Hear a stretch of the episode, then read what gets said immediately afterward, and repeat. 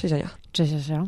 E, dzisiaj mam specjalnego gościa, który prowadzi gastronomię i będziemy rozmawiać na temat prowadzenia restauracji. Ale zanim do tego przejdę, to standardowo ja mówię skąd znamy gości, a dzisiaj jest e, przy jednym stole ze mną Ania, z którą siedziałam w ławce przez wiele lat podstawówki gimnazjum i potem ja poszłam do liceum dziennikarskiego, żeby nauczyć się pięknie prowadzić podcasty, a Ania poszła do liceum gdzie indziej i minęło 15 lat. Prawda. Mhm. Co robiłaś przez te 15 lat? No przez te 15 lat, jak się rozstaliśmy, to faktycznie ja wybrałam liceum trochę inne. Mm, jedynkę w Gdańsku, e, z rozszerzonym językiem francuskim i w zasadzie potem wokół tego trochę potoczyło się moje życie.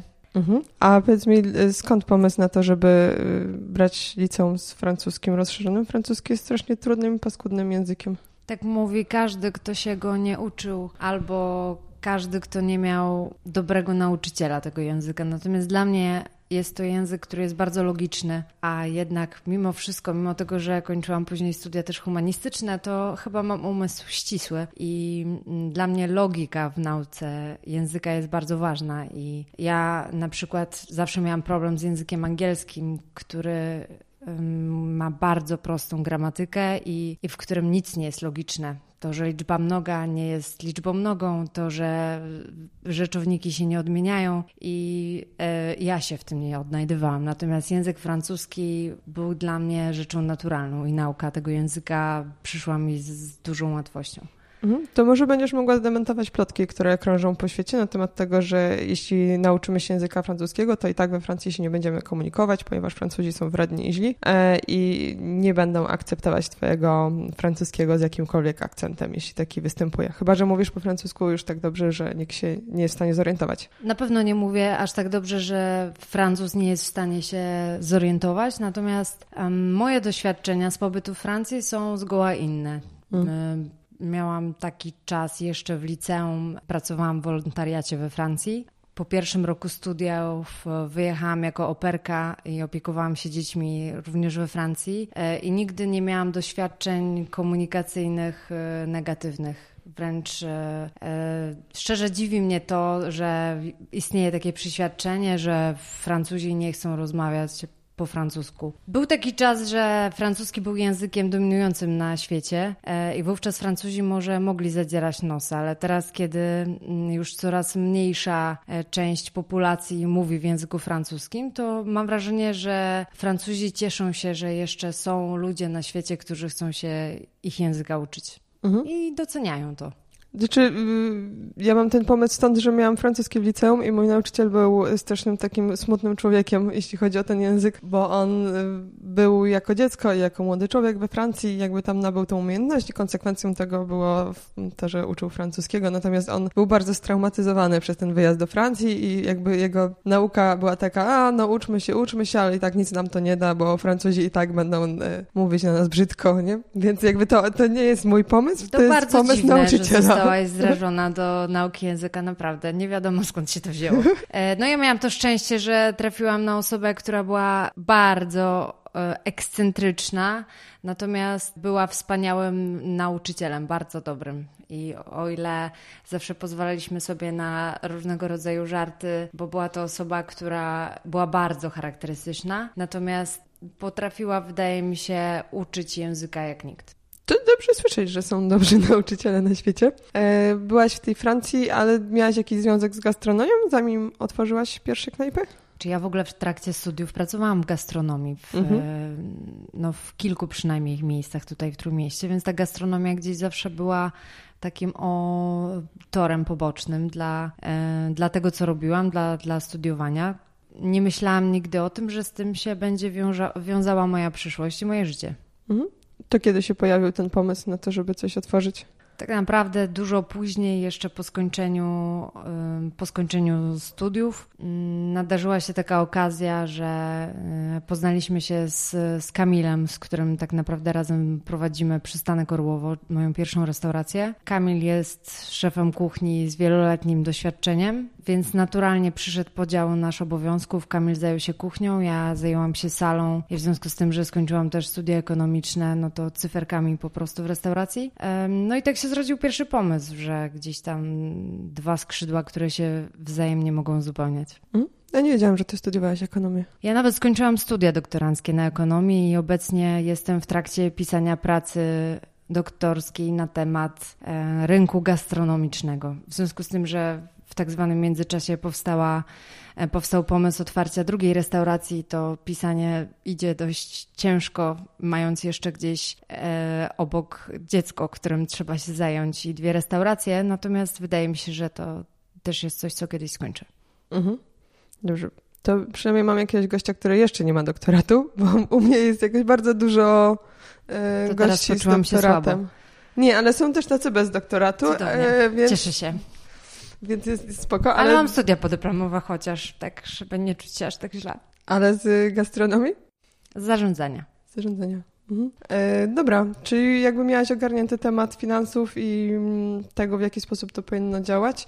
Myślę, że to jest też cenna informacja, bo dużo osób marzy o otwarciu gastronomii, żebyś tam się Czy realizować to jest kulinarnie. duży nie? problem, moim zdaniem, kwestia marzeń, bo y, ja takich osób, które opowiadają, że och, marzę o otwarciu własnej kawiarni, czy marzę o otwarciu własnej restauracji, nie mają zupełnie świadomości, jak ciężki jest to biznes i jak to jest ciężkie wyzwanie, bo każdemu się wydaje, o, mam swoją kawiarnię, to mogę zaprosić swoich znajomych na kawę i nie muszę ich zapraszać do domu i to jest tak fajnie, bo oni się poczują, że ich zaproszę do swojej kawiarni, a to jest, y, to jest tak smutna motywacja dla, do otworzenia e, kawiarni, restauracji czy jakiejkolwiek gastronomii, że później się to zamyka i słyszy się takie historie mm, osób o mm, mąż otworzył żonie albo tata otworzył córce, e, kupił restaurację, natomiast no, ktoś, kto tego nie lubi albo ktoś, kto nie kocha tego biznesu, ktoś, kto nie zagłębi się w taką ekonomiczną stronę i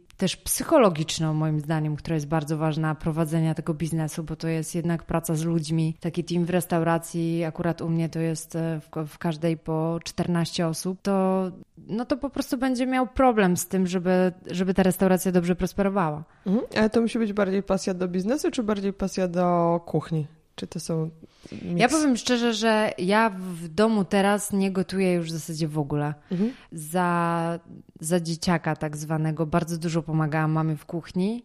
Szczególnie moją działką było pieczenie wszystkich ciast na święta i wszystkie słodkie przetwory w domu to zawsze wychodziły spod mojej ręki. Mm, I gotować zawsze lubiłam i natomiast Dzisiaj, mając restaurację, nie gotuję już właściwie w ogóle. Też dużo chodzę po mieście y, na. Przeszpiegi. No umówmy się, przeszpiegi. Ja nocuję w hotelach w Gdyni. No właśnie, tak nie na przeszpiegi, natomiast ja uważam, że badanie rynku i patrzenie na to, co się, mm, co się dzieje w, w najbliższym otoczeniu biznesowym jest bardzo ważne. Co, co ludzie zamawiają, y, jak wygląda karta, jak wygląda obsługa gości, co restauratorzy proponują w swoim menu. E, Ja uważam, że, że powinno znać się y, no bądź co bądź konkurencję i to co, to, co się dzieje wokół. Mhm. Oglądasz Kuchenne Rewolucje? Cały świat gastronomiczny z Magdy Gessler kpi i każdy, kto na kuchni zna się trochę więcej niż trochę, to powie, że Magda Gessler e, nie jest, jak to mówią w czołówce, e, kreatorką smaków i stylów, tak? Mhm. oraz e, największym autorytetem kulinarnym. Magda Gessler e, autorytetem kulinarnym nie jest. E, dla mnie, ani dla mnie, ani dla myślę, że znakomitej większości osób, które się na gastronomii znają. Mhm. Nie, zastanawiałam się, czy wiesz, oglądasz, żeby sobie popatrzeć, jak ludzie otwierają Oglądam. knajpy i Absolutnie oglądam, właśnie patrząc, jakie błędy popełniają, popełniają ludzie. Natomiast też mam świadomość, że w dużej mierze są to odcinki reżyserowane i y, no nie wiem, ja przynajmniej w niektóre historie nie jestem w stanie uwierzyć, że one mogły zdarzyć się naprawdę mimo wszystko. Mhm.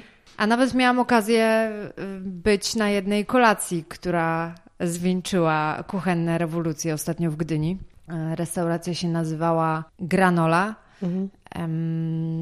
E, sąsiadująca. e, No ja byłam tam po tych rewolucjach. Tak, później Magda Gessler otworzyła tam restaurację, która nazywała się Śleci Chleb. Ja byłam na tej kolacji, która em, no, była wieńczącą rewolucję.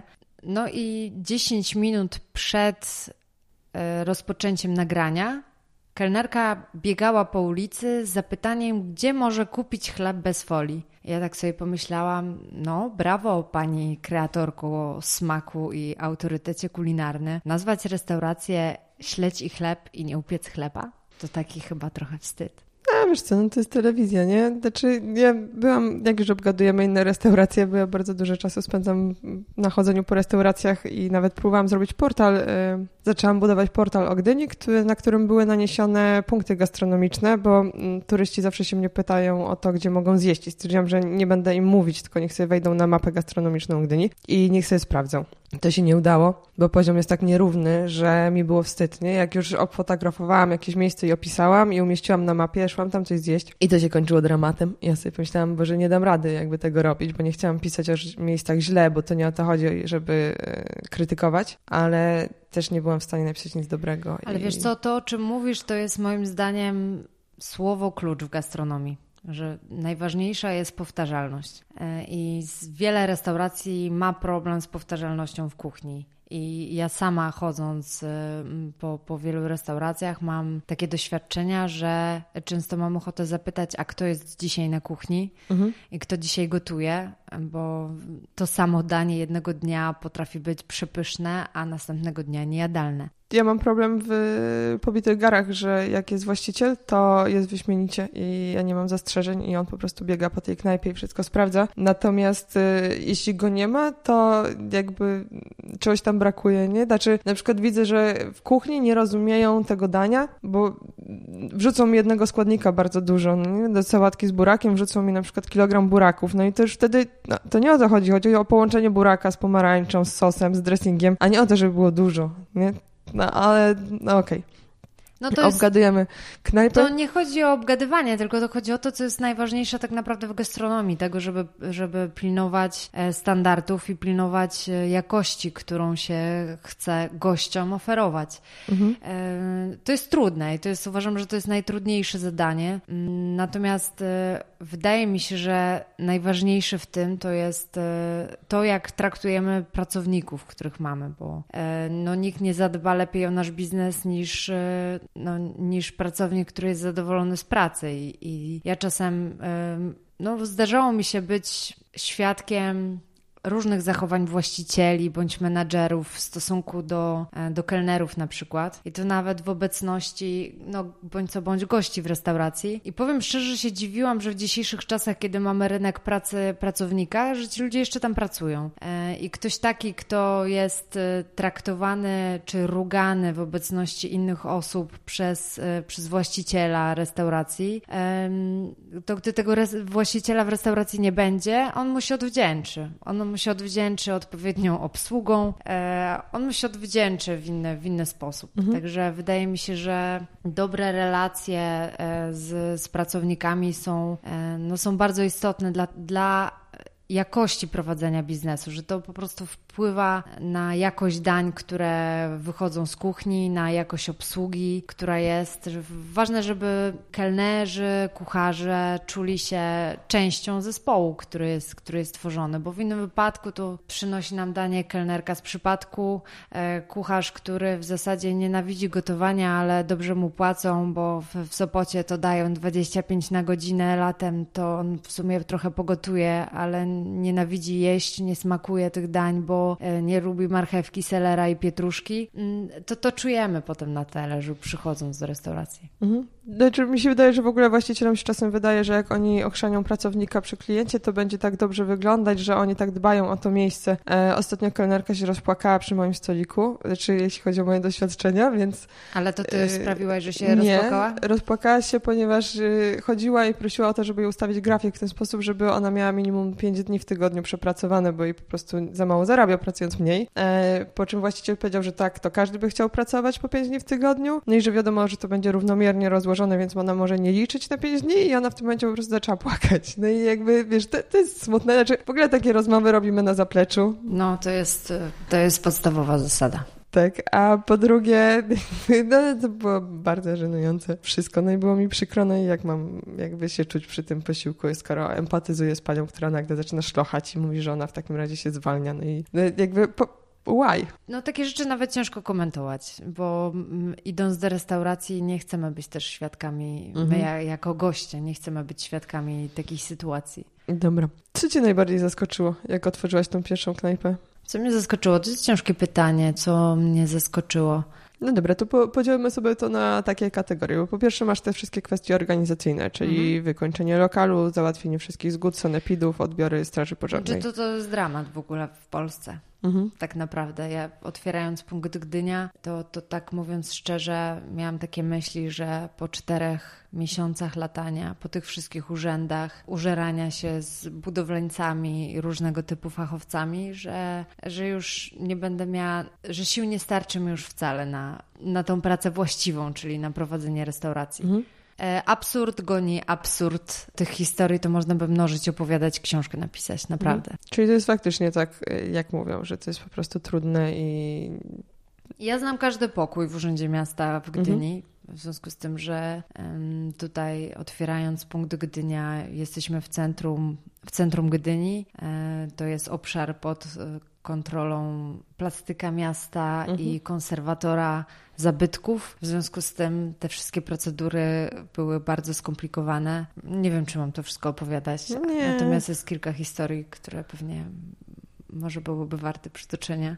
No to opowiedz jedną historię może, taką, wiesz... Nie, to opowiem taką historię, która była pozytywna, bo w tym wszystkim y, zdarzyła mi się taka historia w związku z tym, że przed punktem Gdynia w tym miejscu był jeden z banków, a wcześniej była też działalność gastronomiczna, restauracja, która nazywała się Saga. Mhm. Ja już jak byłam u kresu sił, bo to już był ostatni, ostatnia zgoda, którą musiałam otrzymać, poszłam do ZDIZ-u, mhm. gdzie wszyscy wiedzą, że jest to instytucja, której strasznie długo czeka się na decyzję. To jest Zarząd Drugi Zieleni, tak? Tak, Zarząd mhm. Drugi Zieleni.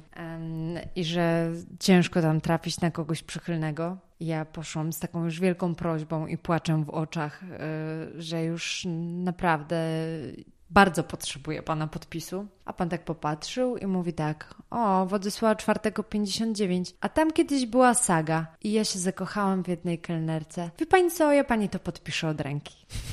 E, także e, na, skupiajmy się na tym, może to jest pozytywne, bo to, co jest negatywne, to e, no, tych, tych historii było dużo i mówiąc szczerze, walka o otwarcie restauracji, to ja uważam, że każdy powinien dostawać order, a jeżeli jeszcze potrzebuje pozwolenia na budowę do tego, żeby otworzyć lokal, to naprawdę powinien wisieć medal na drzwiach wejściowych. Mm, no dobra, to y, kategoria druga, y, pracownicy. Mówiłaś już trochę o tym, że y, trzeba z nimi być w dobrych relacjach, ale tutaj coś Cię zaskakiwało jakoś specjalnie? Powiem szczerze, że temat pracowników to jest temat rzeka, natomiast ja generalnie nie mogę narzekać. Naprawdę mam z pracownikami doświadczenia pozytywne i wydaje mi się, że jeżeli ludzi mm, traktujemy dobrze i szanujemy, to oni się tym odwdzięczają również. Mhm, bo tak marketingowo, jak patrzę na punkt dnia, to tam mm, jakby duży akcent jest położony na pracowników, tam się pojawia dużo zdjęć. Ja uważam, że pracownicy tworzą miejsce. Punkt Gdynia jest też takim miejscem, w którym chcieliśmy pokazać, że e, w tym miejscu nie pracują przypadkowi ludzie, tylko tacy, którzy e, chcą się w to angażować, którzy też dają swoje pomysły, co chcieliby ulepszyć, co chcieliby zmienić i którzy się e, chcą w to angażować i ja to bardzo doceniam. A jaka jest y, wtedy twoja rola tam na miejscu? Ile ty czasu tam spędzasz? Bo teraz już masz dwie knajpy i tak jak mówiłaś, y, małe dziecko dosyć i życie jeszcze starasz się mieć do tego? Przypuszczam. Się starasz?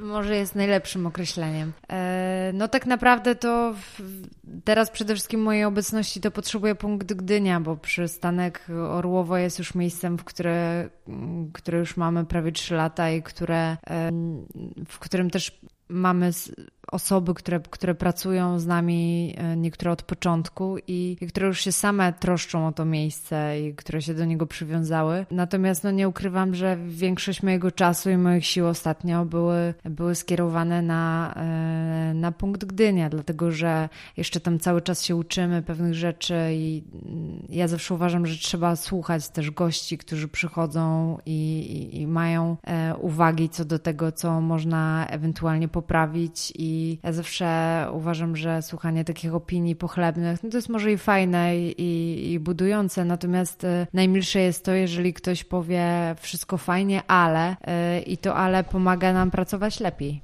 Mhm.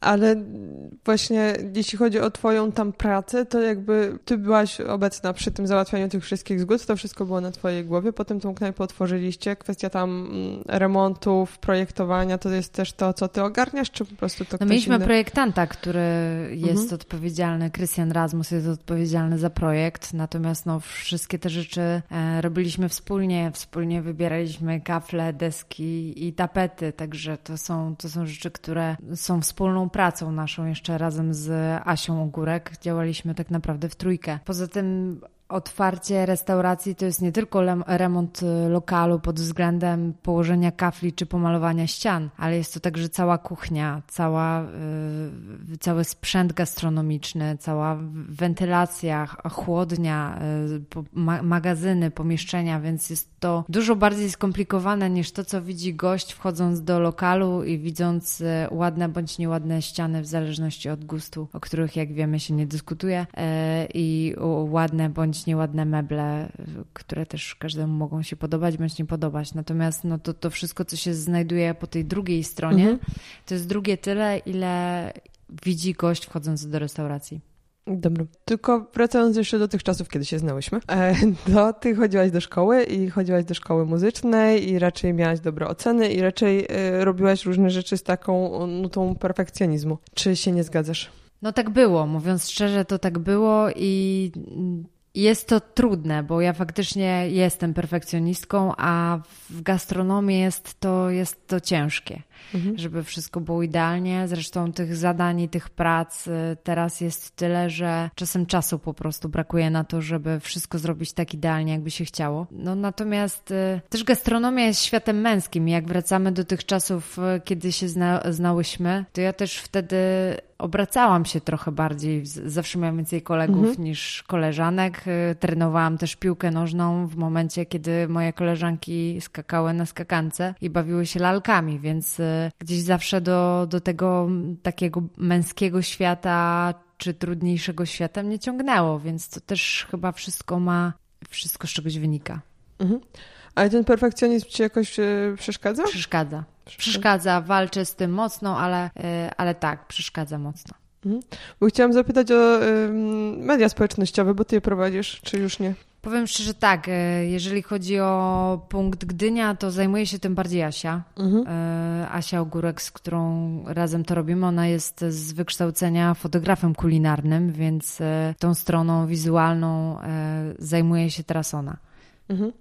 E, ale przez długi czas robiłaś w Orłowie, nie? Robiłam to Internety. w Orłowie, tak, tak. Mhm. Tak, natomiast no, ja nie ukrywam, że ja konto na Facebooku to założyłam właściwie wtedy, kiedy otworzyliśmy przystanek Orłowo, bo ja jestem tak bardzo e, medialna i tak bardzo internetowa i tak bardzo lubię się uzewnętrzniać, e, że zmieniam zdjęcie profilowe na moim Facebooku trzy razy w, w ciągu tygodnia. Więc no mówię szczerze, że ja tak naprawdę założyłam Facebooka w momencie, prawie że w momencie powstania restauracji. No i y, bo ja obserwuję sobie, y, co, co tam robiłaś i się bardzo zastanawiałam, jak to wyjdzie z tym internetem, bo e, zastanawiałam się, jak będzie, jeśli ktoś zacznie krytykować, nie? Coś, co robisz i jak to wytrzymasz nerwowo, biorąc pod uwagę tą swoją właśnie taką skłonność do perfekcjonizmu i to, że jakby widzę, ile w to kosztuje ci energii, zaangażowania i to, że te zdjęcia są ładne, e, to jak ogarniesz y, social media, gdzie na każdą krytykę powinno się odpowiedzieć powiedzieć, tak, ma pani rację. Wiesz co, powiem ci, że to jest rzecz, fajne, że to poruszyłaś, dlatego że jak faktycznie otworzyliśmy przystanek Orłowo, czyli, czyli pierwszą mhm. naszą restaurację, mm, to ja miałam takie, e, to właśnie miałam takie podejście, że ojejku, ktoś napisał coś negatywnego, no to mi jest teraz bardzo smutno i, i w ogóle muszę tego kogoś przeprosić, niezależnie czy jest to mhm. podstawne, czy bezpodstawne, ale że tak trzeba. Natomiast ja już po tych trzech latach nauczyłam się, że tak wcale nie trzeba. E, I jeżeli przychodzi, powinna mówić gość, bo my w restauracji mhm. mamy gości, ale w tej sytuacji powiem klient e, do restauracji, e, pstryka palcami na kelnera i jest, jest wulgarny, a potem opisuje brednie, mhm. pisząc recenzję na Facebooku, to ja już nie przepraszam mhm. to ja już potrafię odpowiedzieć tak, jak należy odpowiedzieć takiej osobie. Powiem szczerze, zdarzyło mi się kilkakrotnie, że po takiej odpowiedzi, kiedy moja odpowiedź dostała e,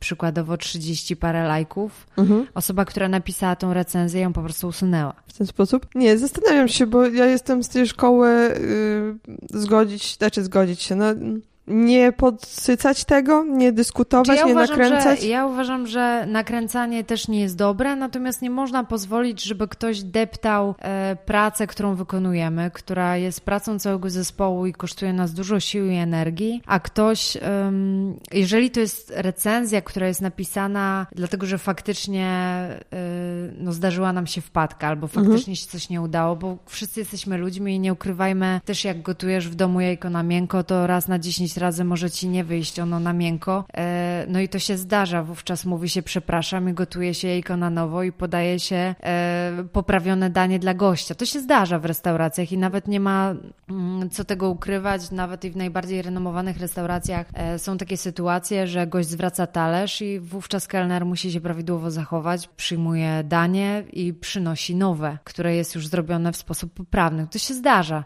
Czasem zdarzają się wpadki, czasem zdarzają się wpadki z obsługą, E, szczerze mówiąc, nam się to nie zdarza często, ale zdarzyła się taka sytuacja, jedna, druga czy trzecia, że faktycznie ta recenzja e, była zasadna i mhm. wówczas absolutnie no, należy się bić w piersi i przyznać się do winy, przeprosić.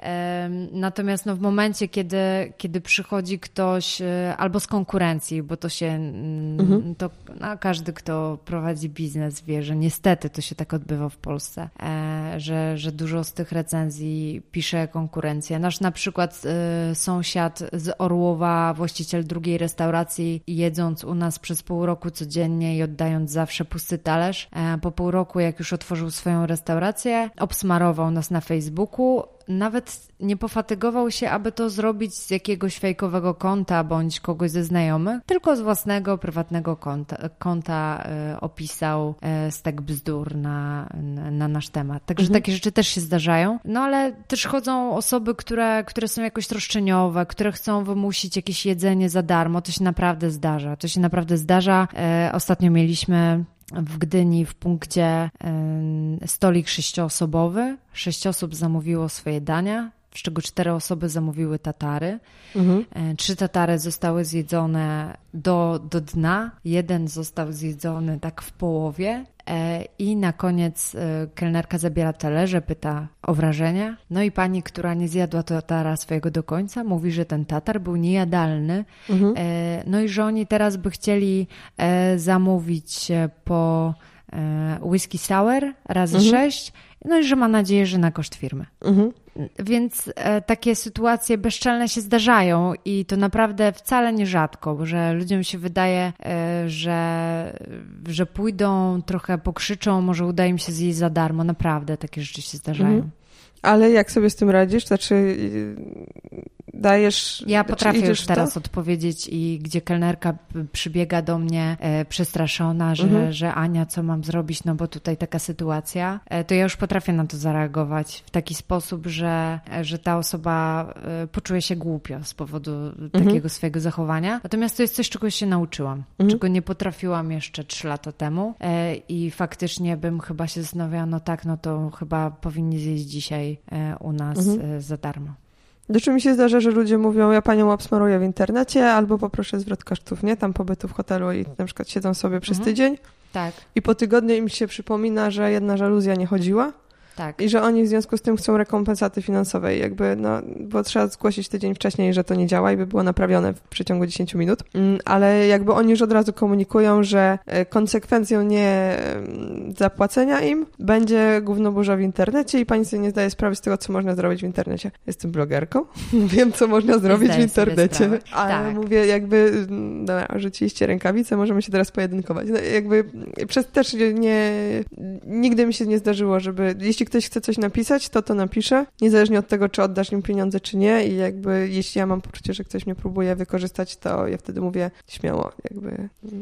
No więc wydaje mi się, że to jest coś, czego się uczymy i ty też prowadzisz swój biznes, więc wiesz, jak to wygląda. I tak e, odpowiednia reakcja na tego typu zachowania to jest coś, czego czego się uczymy po prostu w, w trakcie, bo, bo nie można pozwolić e, sobie, żeby ktoś e, deptał pracę, w którą wkładasz serce, po prostu. Natomiast e, no, to jest sztuka, która zajmuje trochę czasu, żebyśmy potrafili się tego nauczyć. Natomiast też chciałabym, wiesz, bo to tak brzmi teraz, jak rozmawiamy, tak mhm. trochę demonicznie, że, że o matko po prostu jesteśmy cały czas napastowani przez osoby, które mają jakiś wielki nie, problem. Ja miałam przez... Natomiast nie. to są takie sytuacje incydentalne, natomiast y, one no, są zawsze szeroko komentowane w restauracji. Zawsze każda, każda recenzja, wbrew pozorom, u mnie kelnerzy, na przykład wszyscy to czytają, wszyscy, a widziałaś, co napisali, a odpowiedziałaś jakoś, a co się, e, a pamiętasz, kto to był, a czy pytaliście tej osoby, czy, e, czy była zadowolona. Często się zdarza też tak, że, że, że gość w restauracji nie powie nic, e, oddaje pusty boi. talerz. Nie, ale to, to jest mhm. też tak, że często, często, często jest zwracany pusty talerz. Ja też dużo przebywam w restauracji, więc no, to też nie jest kwestia tego, że ja ufam, co mi, co mi powiedziała załoga, natomiast ja też widzę, że przychodzi, przychodzi para, wszyscy zjedli, zostawiają puste talerze. Kelner pyta, czy wszystko odpowiadało. Odpowiadają, że, że wszystko było bardzo smaczne, a później e, następnego dnia wpada recenzja, gdzie no, zdjęcie profilowe łatwo zidentyfikować, że to była właśnie ta osoba. E, no i pisze, jaki był straszny dramat. Mhm. Tylko no znowu ludzie się boją, nie? Bo jak ja rozmawiam ze znajomymi na temat tego, czy oni odpowiadają kelnerom, jakby, bo często trafiam na złe jedzenie i tak dalej w różnych miejscach, to yy, albo odruchowo na pytanie wszystko ok się odpowiada tak, wszystko ok, chociaż ja często mówię, że nie ok, no, znaczy jeśli na przykład zupełnie przeciętnie. A pani się pyta, dla, dlaczego zupełnie przeciętnie? Ja mówię, no nie wiem, jakby wy to gotujecie, ale wiesz, jakby nie wiem, czy to pytanie pada dlatego, że oni chcą się dowiedzieć i ja mogę im powiedzieć, no chyba zapomnieliście posolić ziemniaki. E, czy to jest takie, e, ale często to jest takie pytanie, bo tak każą pytać i jakby na informację zwrotną nie ma no odpowiedzi. Nie? Ja uczę y, kelnerów, którzy nas pracują, że pytanie do gościa, czy smakowało, albo czy wszystko odpowiadało, y, albo czy jest zadowolony, nie jest po to, żeby zadać mu to pytanie w sposób mechaniczny, tak jak czasem nas witają mechanicznie albo żegnają w supermarketach, ale po to, żeby mm, dać feedback na kuchnię i powiedzieć na przykład, że kapusta była za tłusta, albo y, właśnie ziemniaki były niedosolone, tak? Mhm. Bo to są takie rzeczy, które, no my przed otwarciem punktu Gdynia mieliśmy taki dzień tastingu, czy czyli dzień degustacji karty i szkolenia karty z karty mhm. dla całej załogi. No i to był taki dzień, kiedy szef kuchni razem ze swoim mm, zespołem ugotowali wszystkie dania z karty, my ich próbowaliśmy.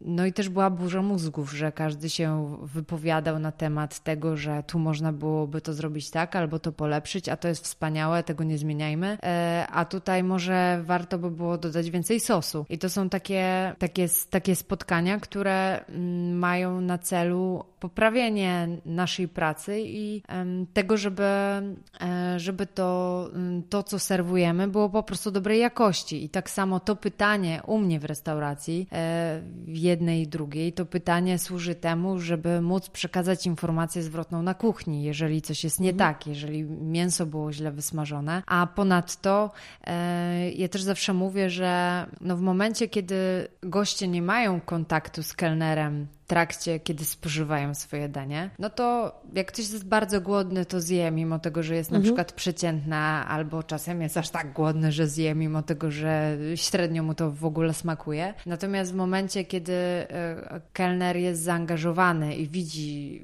bo to można zauważyć, mhm. że, że ktoś ma jakiś problem z tym, co otrzymał na talerzu, no to jest czas na to, żeby zareagować, żeby podejść i, i wymienić na przykład nawet danie, tak? Bo mhm. to też jest praktyka, którą się po prostu stosuje, że, y, że na przykład danie jest zbyt pikantne albo y, w jakiś sposób pokazuje się, że jest jakiś składnik, którego nie było w karcie menu, a ktoś go bardzo nie lubi. Na przykład kolendra, która jest mocno mhm. intensywna w smaku i okazuje się, że no, ta jedna kolendra sprawia, że ta cała sałatka jest dla gościa nie do przetrawienia i wówczas mamy jeszcze szansę, żeby tą sałatkę zwrócić, zrobić na nowo i podać i gość wyjdzie zadowolony.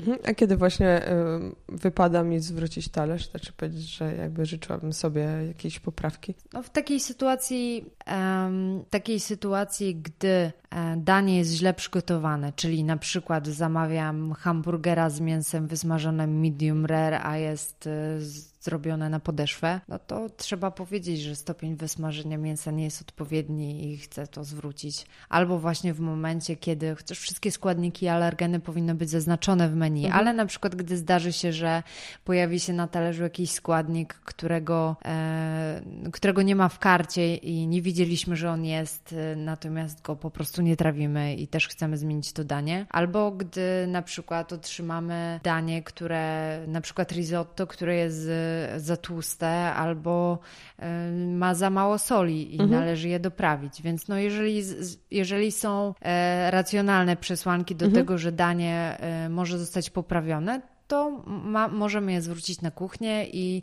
i nie jest to w żaden sposób odbierane, bo wiele osób uważa, że o matko, zwrócę danie, to mi tam kucharz napluje do tego dania, jak mhm. je poda drugi raz. A to są bzdury. Fajną książkę napisał chłopak, który prowadzi K5, Kamil Sadkowski. Książka się, książka się nazywa Gastrobanda. I on tam czasem w tak trochę koloryzując może za mocno, ale mhm. nie wiem, czy czytałeś tą książkę. Nie, nie, nie znam. Natomiast pisze tam dużo takich, e, takich fajnych rzeczy i prawdziwych o tym, co się w świecie gastronomii dzieje, i wydaje mi się, że dla kogoś, kto, e, kto chodzi po restauracjach, to jest taka fajna pozycja, żeby mhm. przeczytać mhm. i, i zobaczyć, jak to też wygląda z tej drugiej strony, czyli z tej strony, e, strony kuchni. No, ja wiesz, pracowałam trochę i w kuchni, znaczy w kuchni to nie, ale jakby przy kuchni na, mhm. jako kelnerka albo za barem, albo w, gdzieś tam, gdzie miałam wejście na kuchnię i mogłam zobaczyć, jak to wszystko funkcjonuje i przez y, kilka lat y, nie widziałam nigdy, żeby ktoś pluł do jedzenia takie rzeczy to, to są, powiem szczerze, historie, historie wymyślone. Ja nie byłam też świadkiem nigdy takiej sytuacji. E, no problem jest taki, jeżeli ktoś mówi, zamawia sobie jedzenie i e, no na przykład ktoś ma taki dzień, że stwierdza, że dzisiaj będzie bardzo fit i zamówi sobie sałatkę z awokado, a nie cierpi awokado, mhm. E, dostaje tą sałatkę, no i ona mu po prostu no, nie smakuje i jak ktoś podejdzie kelner i zapyta, czy smakuje, nie smakuje, no nie smakuje dlatego, że ktoś no, nie lubi zdrowego jedzenia, a mhm. miał akurat poranne postanowienie, że dzisiaj chce jeść zdrowo, no to to już nie jest podstawą do tego, żeby zwrócić jedzenie na kuchnię, bo ono jest dobrze przygotowane, e, tylko no, ktoś miał problem, że zamówił coś, czego po prostu nie lubi. Ja, bo mówiłaś o tym męskim świecie na, na kuchni, no i faktycznie to jest, czy, wiesz co, ja sobie dosyć późno zdałam sprawę, jak bardzo to jest głośny i taki mm, często wulgarne miejsce, mm, przynajmniej te kuchnie, które ja widziałam i w których byłam. A propos tego, to my mieliśmy taki spory problem, bo faktycznie ta strona, o której mówisz, jest w kuchni obecna, no, a w przystanku Orłowo mamy otwartą kuchnię, mhm. E, no i Pamiętam moją walkę o to, żeby uświadomić kucharzy, że to nie jest tutaj zamknięte pomieszczenie, tylko mamy otwartą kuchnię i to wszystko słychać. I że tutaj nie puszczamy głośno e, swojej technomuzyki, mm. i że tutaj nie przeklinamy i że tutaj nie krzyczymy na siebie i nie rugamy się wzajemnie, bo to widzą goście, którzy wchodzą. Więc to jest taki e, przykład. No, otwarta kuchnia też wymaga pewnych zachowań, które po prostu no, nie wypada. Mhm. Mm, no i faktycznie, no faktycznie to jest tak, e, w przystanku Orłowo nie mieliśmy nigdy kobiety na kuchni. Mhm. Chyba pomoc kuchenną, powiedzmy panią zmywakową, to tak, natomiast kucharze e, to są sami mężczyźni. W punkcie Gdynia mamy jedną kobietę na kuchni. Ale w ogóle zgłaszają się, czy... Mniej tak naprawdę. Zdarzają się, zdarzają się, natomiast na pewno e, to jest świat męski. Mhm. Ale y, jak myślisz, z czego to wynika? Jakoś to diagnozowałaś? Znaczy... Szczerze powiem, nie chcę tutaj wymieniać y, jakoś z imienia i nazwiska, ale wiem, że wielu szefów kuchni e, woli pracować z kobietami na kuchni, znaczy woli pracować z mężczyznami tylko i wyłącznie na kuchni, właśnie dlatego, że to jest też taki świat trochę męski, e, mocny, żeby nie powiedzieć wulgarny. E, I nawet czasem ciężko w tym świecie rozgraniczyć to, że tutaj jest kobieta i ją wypadałoby jednak powiedzieć do niej inaczej niż e, mówię do kolegi e, mhm. w tym takim języku kuchennym. Być może to jest jakimś powodem. No mówi się, że mężczyźni mają bardziej rozwinięte kubki smakowe i że są jednak lepszymi kucharzami, ale to wszystkie nie wiem, czy to zostało się... jakoś przebadane. Też raczej wątpię. Natomiast się. prawda jest taka, że jak no, zgłaszają się do pracy um, um, osoby na stanowisko kucharza to są to w większości, sądzę, że 90% to są to mężczyźni. Mhm. Tylko też, y, nie, jak ja znam moich kolegów, którzy gdzieś gotowali, to są ludzie, którzy potrafią zrobić rosół i pomidorową i jeszcze jakąś sałatkę i teściowa powiedziała, że schabowy był dobry, no więc oni w ten sposób już są kucharzami e, i uważają, że są w stanie kierować kuchnią, no bo są mężczyznami, więc mają zdolności przywódcze w, krwi e, i jakby oni idą, nie? A poza tym oni nie będą pracować za tysiąc złotych, więc muszą być szefem kuchni, żeby dostać tą wypłatę taką, jaka by im się tam życzyła. A kobiety ze skillami idą na pomoc kuchenną i obierają ziemniaki i jakby... No nie, u nas pracuje w, w punkcie Gdynia, mamy taką cudowną kucharkę Ule, która mhm. Mm, jeszcze chyba dwa i pół roku temu była programistką w Intelu. O. E, I na odejście proponowano jej 7,5 tysiąca na rękę. Mhm. No, natomiast ona uznała, że jej pasją jest gotowanie i że ona chce gotować. Mhm.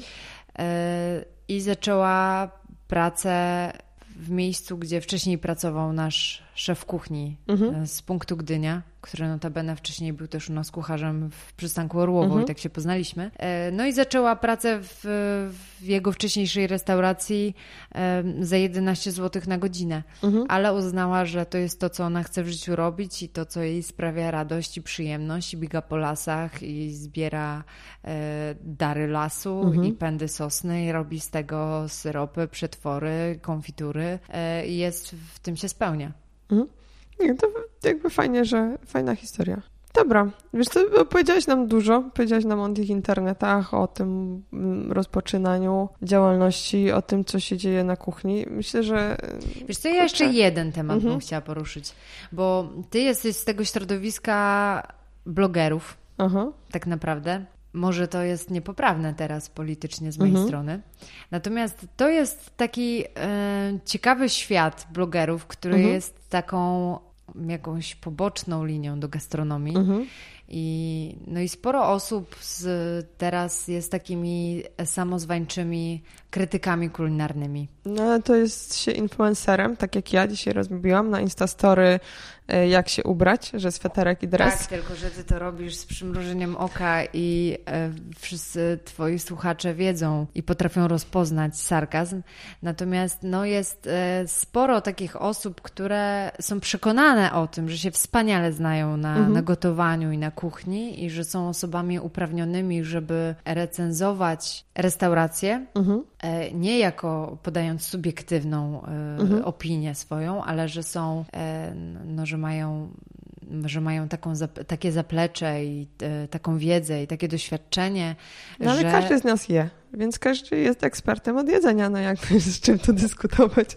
Ja no, nabijam się, no. No właśnie, ja wiem, wiesz, co się dzieje. Wiesz, tak można mówić, nie? Ale to jest, to jest, to jest taka, to jest, to jest wbrew pozorom też środowisko, e, które jest, jest sporo blogerów, których ja lubię. Czytam mhm. też sporo blogów i oglądam na Instagramie różne relacje e, i są osoby, które robią to faktycznie dobrze i fajnie i, i sama lubię to czytać i tego słuchać. Natomiast jest mnóstwo osób, które nie mają pojęcia o czym piszą i o czym mówią, e, natomiast uważają się za guru gastronomii i, i że mają to, takie, takich mini Magd Gessler, mhm. mnoży się mnóstwo. I to wbrew pozorom też jest e, taki front, z którym e, restauracje muszą walczyć.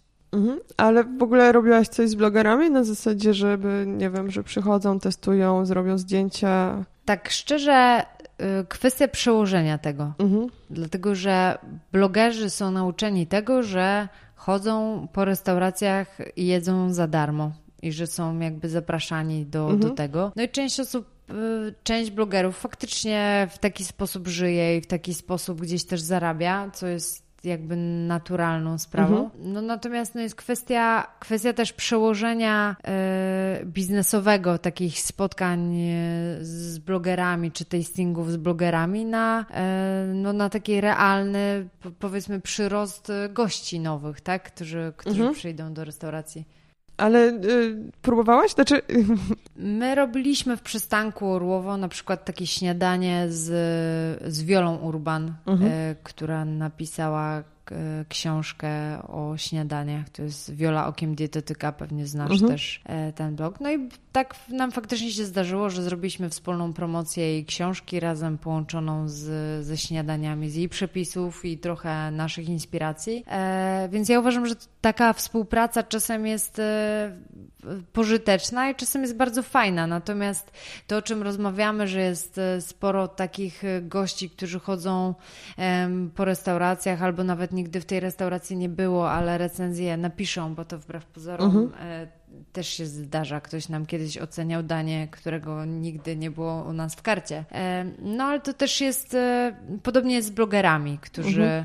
którzy no nie wiem, żeby przysporzyć sobie fejmu na swoich profilach, no to czym to się najlepiej robi? No, objechaniem kogoś, nie? Takim, takim miłym hejtem. Nie, znaczy w ogóle ja korzystam z poleceń blogerów, nie? Znaczy jak jestem w obcym mieście, to na YouTubie tam jest taki Maciej, czy jak on się nazywa, już nie, nie pamiętam, w każdym razie jestem w stanie go wyszukać na YouTubie i sobie sprawdzam w Łodzi, gdzie tam zjeść śniadanie i on mi mówi i potem ja tam idę i tam wcale nie jest tak dobrze, jak on powiedział, więc to czasami też nie wychodzi, ale no ludzie lubią pisać o tych knajpach i na tym się Wiesz gdzieś... co, u nas nawet była krytyka kulinarna no. przy Stanku Orłowo. Była y, i no, się zachowywała w sposób taki bardzo pretensjonalny, bardzo roszczeniowy, po czym, po czym e, no, tego samego wieczoru napisała do mnie na Instagramie, mhm. no, że chciałaby się spotkać i porozmawiać. Mhm. To jest taki sposób też działania, że no, to jest jeden z dwóch najbardziej znanych mhm. blogów kulinarnych w Polsce. E, no i nawet takie osoby pozwalają sobie na to, że przyjdą, ponarzekają, żeby zasieć jakiś strach, bo może się mhm. ktoś przestraszy, a potem dzwonią z propozycją, no to zapłaćcie, to napiszemy dobrze. Co, ja obserwowałam w zeszłym tygodniu, ona znowu miała jakąś aferę w internecie, bo napisała coś obrażając różnych ludzi, więc to jest taki styl pisania. Już nie pamiętam, kogo ona obrażała. E, no, dużo grup osób w jednym wpisie, dlatego to było takie sensacyjne. E, tak, no to jest ciężkie, dlatego ja nie zrobiłam tego portalu kulinarnego, który był mi bardzo na rękę, znaczy na tej mapy kulinarnej, mhm. bo e, ciężko mi było, musiałabym zresztą na tym zarabiać, czyli właśnie współpracować za pieniądze, za napisanie dobrze o miejscach, o których nie mam nic do powiedzenia. E, z moim poleceniem z internetu wiąże się taka historia, że byłam w Zante i zrobiłam taki filmik, generalnie tam było dobre jedzenie. E, no i nagrałam barszcz, chłodnik, cokolwiek, nie pamiętam, barszcz nagrałam miskę z barszczem. Jak mieszam łyżką, bo miałam nowy aparat i chciałam w ogóle zobaczyć, jak on działa. Wrzuciłam ten filmik, zmontowany do 60 sekund w internecie i znajomi widzieli, że tam byłam i poszli tam następnego dnia. Ja mówię, no dobra, jak tam idziecie, to powiedzcie, że taka sławna blogerka była i że pisała na temat waszego barszczu. No i oni tak zrobili. No bo są moimi znajomymi, więc byli myli. I poszli powiedzieli, że znana blogerka mówiła o ich barszczu, a kelnerka powiedziała, my nie mamy barszczu. Jakby z jakimś takim pochem i nie wiadomo było o co chodzi. Nigdy nie mieliśmy barszczu. I w ogóle nie gotujemy barszczu.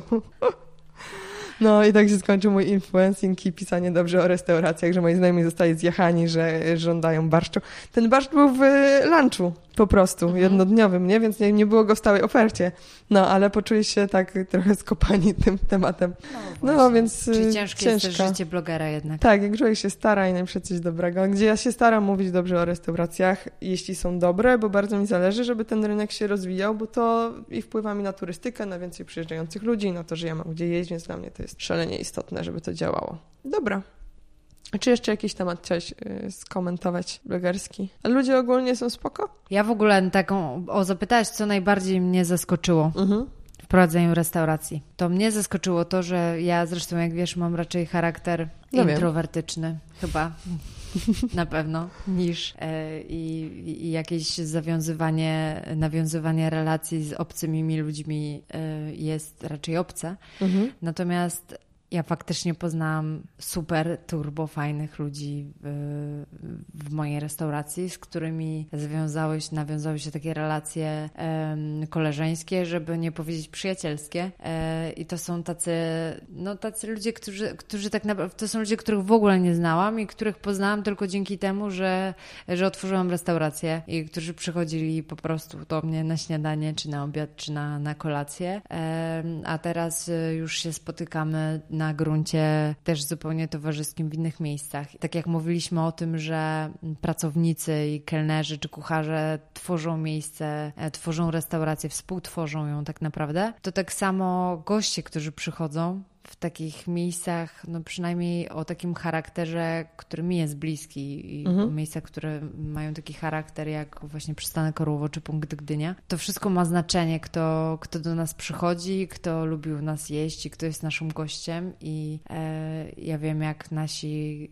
kelnerzy na przykład bardzo cenią e, takich stałych gości, którzy przychodzą do nas e, po kilka razy w tygodniu i, i, już po prostu wzajemnie się znają i, i potrafią też rozmawiać o różnych tematach y, z, z kelnerami. Chociaż to też potrafi być przyczyną różnych hejtów, bo na przykład ktoś napisał od nas taką recenzję, bardzo będąc zażenowanym, że przyszedł z dzieckiem do nas dwuletnim do e, restauracji i kelnerka bawiła się i zajmowała się dzieckiem przy stoliku obok, e, bo to był najprawdopodobniej e, ktoś ze znajomych. Mhm. To był ktoś z takich naszych stałych gości po prostu, mhm. a nie zajmowała się moim dwuletnim dzieckiem. Mhm. Także to też może być przyczyną sporych konfliktów i zawodu innych osób. Natomiast e, wydaje mi się, że no, to jak najlepiej świadczy o, o restauracji to, że e, są stali goście, którzy tak naprawdę e, przychodzą dlatego, że jest, że jest jakość i jest standard, który, który im odpowiada. Mhm. Ale y, czyli da się kształtować jakby mm, tych klientelę, no jakby charakter gości poprzez, nie wiem, czy wystrój, czy zachowanie, czy jesteś w stanie na to wpływać? Że, wydaje mi się, że jak najbardziej tak. Nie? To jeżeli chodzi o czy sposób serwisu, czy, e, czy to, co oferujemy w menu, czy to, jak wygląda restauracja, czy, takie, czy to, jak się promujemy e, w, w mediach, że to wpływa na to, kto chce do nas przyjść. No dobra. E, to wiemy bardzo dużo. Będziemy kończyć, bo godzina minęła. Jeśli będą jakieś pytania, to cię zaproszę drugi raz, żebyś jeszcze dopowiedziała coś. Ale już widzę tutaj kilka takich elementów, dla których warto słuchać. To tajemnica krytyki kulinarnej, wiesz, pocisk po blogerach, więc będzie się klikało bardzo dobrze. To to chyba wytniemy. Nie, będzie pysznie. Dobra, dzięki. Dzięki.